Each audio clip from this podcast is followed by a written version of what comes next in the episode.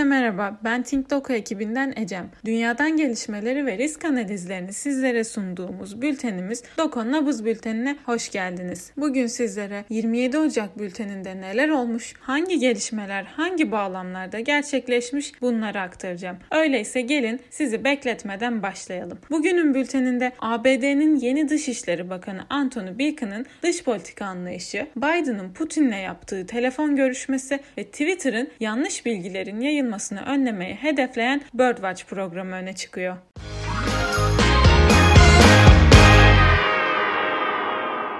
Yeni ABD yönetiminde ABD Senatosu Antony Blinken'ın Dışişleri Bakanlığı'nı onayladı. ABD Senatosu Başkan Joe Biden'ın Dışişleri Bakanlığı koltuğuna aday gösterdiği Antony Blinken'ı 28'e 22 oyla onayladı. Başkan Biden'a uzun süredir danışmanlık yapan Antony Blinken'ın dış politika anlayışı Amerika'yı dünya meseleleriyle tekrar angaje etmek üzerine yoğunlaşıyor. Blinken, Trump yönetiminin Amerika'yı dünyadan izole etme anlayışına karşı politika politikalar geliştirecek. Blinken, Obama döneminde 2013-2015 yılları arasında Ulusal Güvenlik Danışman Yardımcısı, 2015-2017 arasında ise Dışişleri Bakan Yardımcısı olarak görev yapmıştı. ABD'nin yeni Dışişleri Bakanı'nın Başkan Biden'la ilişkisi oldukça eskilere dayanıyor. Blinken, 2000'li yılların başında Senato Dış İlişkiler Komitesi'nde Biden'ın baş danışmanı olarak çalışmıştı. Ayrıca Blinken, Biden kabinesinin Senato tarafından onaylanan dördüncü üyesi. Senato geçtiğimiz günlerde Ulusal İstihbarat Direktörü Avril Haines, Savunma Bakanı Lloyd Austin ve Hazine Bakanı Janet Yellen'ı da onaylamıştı. Peki bu gelişmelerle bizim beklentilerimiz neler? İlk olarak Blinken dış politika ajandasını uygulayabilirse ABD tekrar çeşitli coğrafyalardaki krizlerde aktif rol alacak. Öncelikle odaklanılacak başlıklar ise Çin'le ilişkiler, İran'la normalleşmenin olup olmayacağı ve NATO ülkeleriyle potansiyel bir tekrar yakınlaşma olarak öne çıkıyor. İkincisi ise Antony Blinken'ın Dışişleri Bakanlığı Biden'ın yeni savunma bakanı olan Lloyd Austin ismiyle birleştiğinde yeni yönetimde Obama döneminin esintilerini hissettiriyor. Bu durum Türkiye gibi bazı ülkelerin ABD ile ilişkilerinde yapısal sorunları tekrar gündeme getirebilir.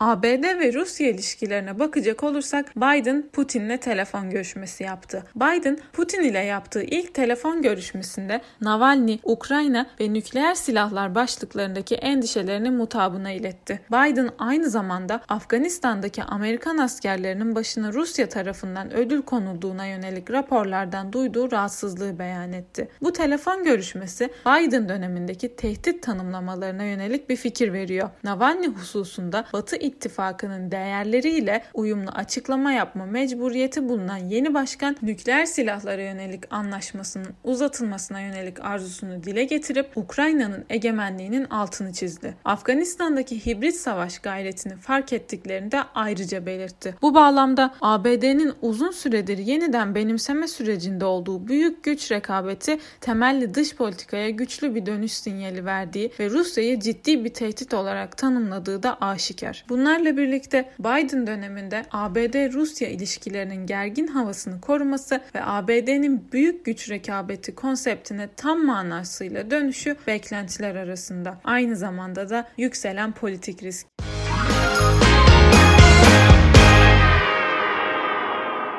Tekno siyasette bu bülten ABD'den büyük teknoloji firmalarına tepki var. Avrupa Komisyonu Başkanı Ursula von der Leyen internet şirketlerinin ifade özgürlüğünü ve demokratik değerleri tek taraflı olarak müdahale etmesini engellemek için bu şirketlere yönelik çeşitli kısıtlamaların getirilmesi gerektiğini söyledi. Sanal ortamda gerçekleştirilen Dünya Ekonomik Forumu toplantısında Leyen, büyük teknoloji şirketlerinin ölçüsüz gücünün önüne geçilmesi gerektiğini işaret ederek bu şirket şirketlerin algoritmalarını şeffaf tutmaları gerektiğine işaret etti. Von der Leyen, malumat dolaşımının büyük teknoloji firmalarının insafına bırakılmayacak kadar önemli olduğunun altını çizdi. Peki ya bu neden önemli? 2016 Amerikan seçimlerinde yaşanan Cambridge Analytica skandalı ve son Amerikan seçimlerinde büyük teknoloji firmalarının sabık başkan Trump'ın hilafına açıktan tavır alması siyasal ortamı derinden etkiledi. Büyük teknoloji firmalarının tamamen kendi insaf saflarına göre belirli siyasi figürlerin sesini kısabilmesi yahut yükseltebilmesi demokrasiler açısından popülist liderlerden daha büyük tehlike arz ediyor. Zira insanların bilgiye ulaşımını manipüle edebilen bu platformlar artık bütün nobranlığına bilgiye ulaşmayı engelleyebiliyor. Yahut tamamen kendi ideolojik konumlarına göre çeşitli figürlerin ne kadar duyulması gerektiğini belirleyebiliyor. Köklü kurumlarıyla bu tehlikeyi fark eden AB'nin büyük teknoloji firmalarına karşı aldığı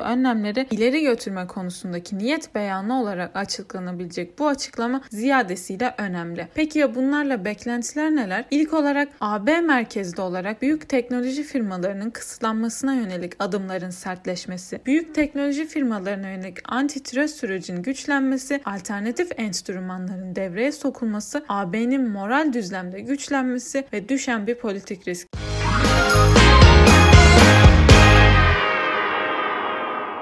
Çin'in Grand stratejisinde Xi Jinping tehdit etti. Xi Jinping Davos'ta dünya liderlerinin yeni bir soğuk savaşa karşı uyarırken çok kutuplu bir dünya ihtimalini memnuniyetle andı. Xi Jinping çok kutuplu bir dünyayı zorbalığa engel olmak amacıyla savunduğunu iddia etse de Çin'in agresif yayılmacı politikası ve Çin Komünist Parti'nin Çin içinde ve dışında tatbik ettiği Han ırkçısı politikalar Çin'in büyük stratejisinde çok kutuplu dünyanın Çin dominyumu durumundan yalnızca bir önceki aşama olarak kurgulandığını anlatıyor. 4 yıl önceki Davos toplantısında da çok kutuplu bir dünya mecburiyetini açıkça ifade eden Xi Jinping bu sefer bir soğuk savaş ihtimalini sert bir şekilde ifade ederek üstü kapalı tehditlerde bulundu. Bunlarla birlikte ABD-Çin rekabetinin düşmanlık düzleminde devam etmesi ihtimal dahilinde. Aynı zamanda büyük güç rekabetinin önümüzdeki dönemi şekillendirmesi ve Çin'in gittikçe agresif gerçekleşmesi de bir diğer beklentiler ve ardından tabii ki de yükselen bir politik risk.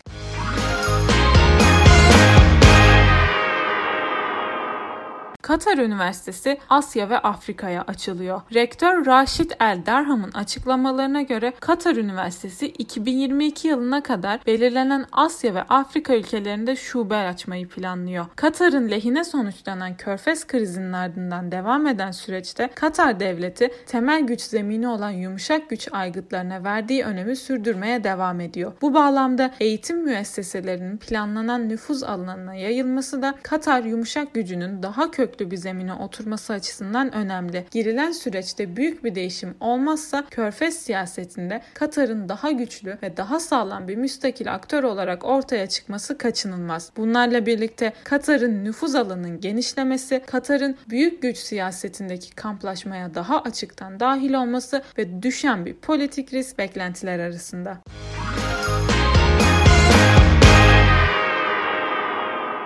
Yeni ABD yönetimi ve Orta Doğu konusundaysa Biden iki devletli çözümü destekliyor. Biden, Filistin-İsrail çatışmasının çözümü için iki devletli çözümün şart olduğunu ifade ederek Trump döneminin siyasetinden dönüş sinyali verdi. Trump döneminde Netanyahu'nun ajandası ile birebir uyumlu bir şekilde ilerleyen Filistin politikası, Filistin'in İsrail tarafından tam manasıyla ilhakına müsaade edecek seviyelere varmış. Hatta bu ihtimal Trump eliyle oluşturulan bir Arap ittifakınca da desteklenmişti. Biden'ın bu politikadan uzaklaşması ABD'nin bölgedeki İsrail dışındaki müttefiklerine teveccühünü arttırma ihtimali ve İsrail ile kurulan Arap ittifakının ciddi darbe alması demek. Peki bunlarla beklentiler neler? Öncelikle ABD'nin bölgedeki geleneksel müttefikleriyle doğrudan ilişkilerinde yeni bir dönem ihtimali var. Aynı zamanda İsrail-Arap ittifakının uzun vadede sarsılması, Filistin'e dair devam devam çözümsüzlük, İsrail iç siyasetinde Netanyahu aleyhine muhtemel tesir ve düşen politik risk diğer beklentiler arasında.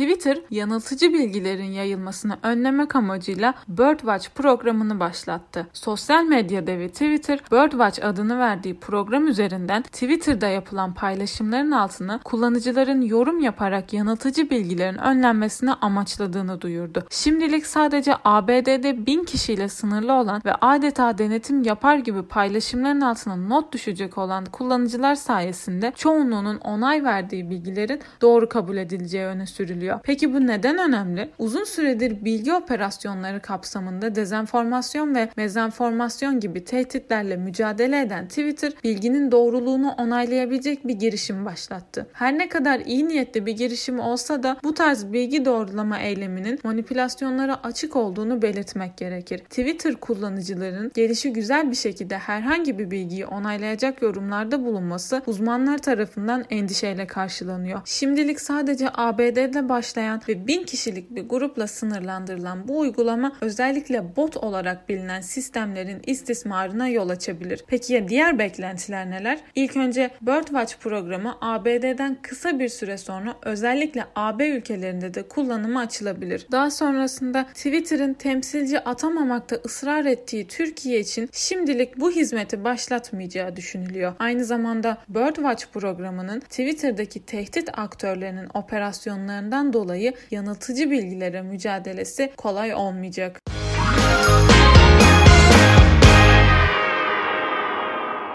Bu bültenin son başlığı ise hack güncesinden. Kuzey Kore devlet destekli Lazarus hacker grubu güvenlik araştırmalarını hedef aldı. Devlet destekli siber tehdit aktörleri arasında popüler gruplardan olan Lazarus dünya çapında siber güvenlik araştırmacılarını hedef aldı. Sıra dışı bir şekilde daha önceki yöntemlerden farklı olarak herhangi bir dosya göndermeden siber saldırı yapan grubun spesifik bir web sitesi üzerinden hedefe sızmaya çalıştığı Google Threat Research ekibi tarafından tarafından tespit edildi. Söz konusu grup özellikle Twitter, Instagram, LinkedIn, Discord, Keybase gibi çok çeşitli platformlar üzerinden sızdırdıkları biliniyor. Hedeflerine mesajlarla ulaşan hackerlar yönlendirdikleri site üzerinden bir backdoor aracılığıyla hedef sisteme sızıyorlar. Sızma operasyonu için oluşturulan backdoor Google Chrome ve Windows 10'da bir zafiyeti kullanmış. Hacker grupları ve özellikle devlet destekli siber tehdit grupları her geçen dönem yeni araçlar geliştirerek siber operasyon yürütüyorlar. Kritik güvenlik açıklarını tespit eden ve bunları istismar eden gruplar hedeflerine daha önceden yapmadıkları bir yoldan erişmeye çalışıyorlar. Kuzey Koreli Lazarus gibi alışık olmayan yöntemler üzerinden sızma operasyonları yapan siber tehdit grupları bu tarz yöntemleri sürekli geliştirecektir. Özellikle siber casusluk operasyonları kapsamında devletlerin de bu sürece dahil olduğu düşünülürse söz konusu eylemler için yeni metotlar geliştireceği beklenebilir.